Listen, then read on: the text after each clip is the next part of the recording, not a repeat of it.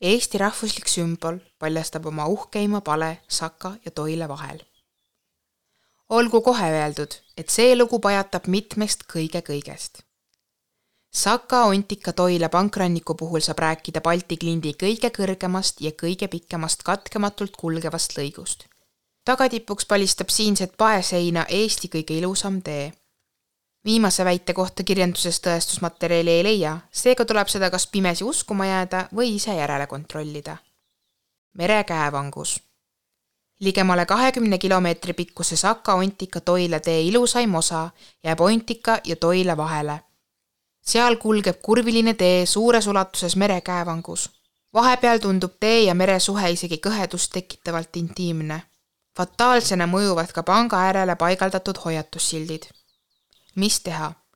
liigse uljuse eest tuleb vaadete nautijaid üle viiekümne meetri kõrgusel pangaserval hoiatada. tarakaju pankrannikut ei sulge. kunagi lookles samas kohas Tallinna-Narva kaubatee.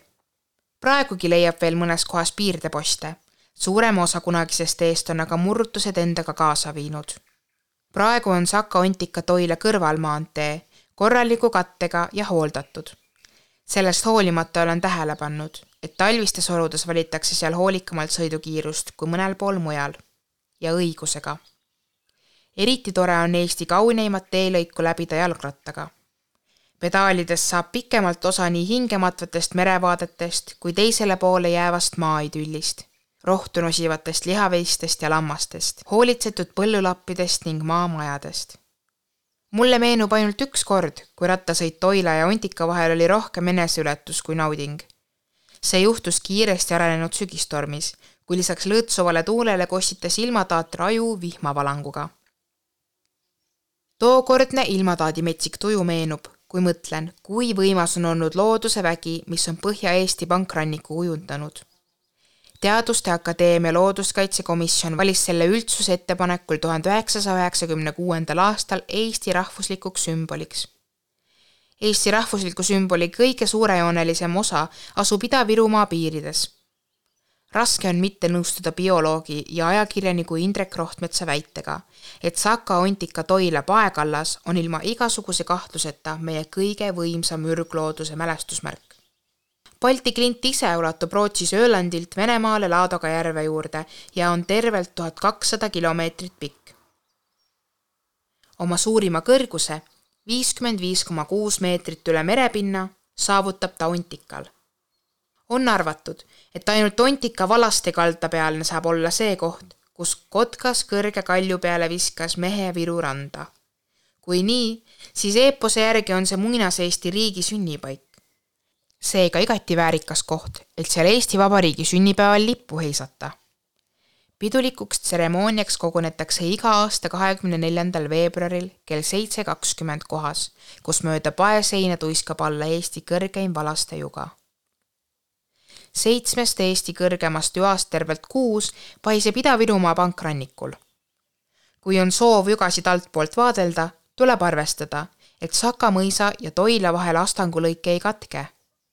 seega leiab seal mugava ja turvalise pääsu merele ainult treppe mööda Õnneks on treppe viimastel aastakümnetel juurde ehitatud või uuendatud.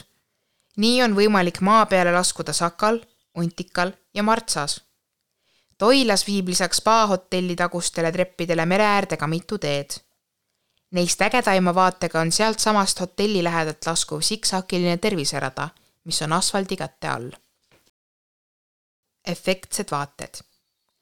lummavaid kohti pankrannikul leiab ka Toilast ida poole liikudes Ida-Viru loodusgiid Enn Käiss ütleb, et kui Vallaste juga ja selle ümbrus on kõige kuulsam ning grupid oskavad seda ise küsida, siis Päitepanka nad küsida ei oska.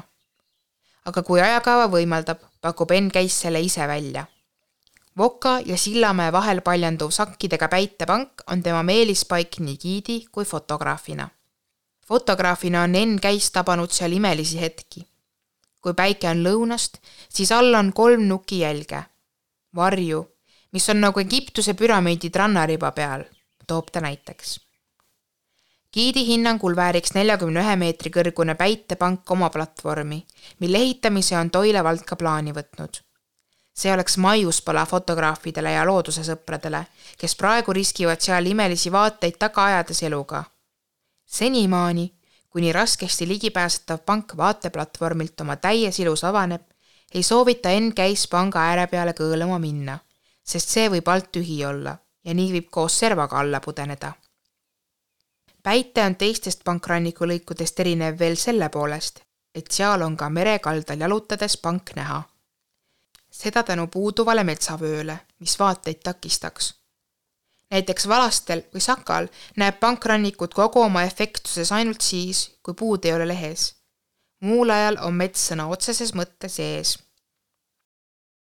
Tere tulemast džunglisse ühest küljest võib ju kiruda, et mets on ees. teisalt on tihe ja lopsakas pangamets ise omaette vaatamisväärsus. rusukaldel, paekalda ja mere vahel rõskes ning varjulises keskkonnas kasvades saavutab see lisaks lopsakusele ka erakordse liigirohkuse. laialehelised puud, liigirikas põõsastik, sõnajalapuhmad ja pehme samblavaip tekitavad tunde, nagu oleks sattunud Põhjamaade džunglisse džungli muljet süvendab see, et pangametsi on vähe majandatud ja need on säilitanud ürgse ilme. suurepärased kohad pangametsa tundmaõppimiseks on Saka ja Valaste matkarada. selleks, et pangametsas oleks hõlpsam liikuda, on Valastel ehitatud uus laudtee ning loodusväärtusi tutvustab rohkem kui kakskümmend infotahvlit. Sirle Sommer kalda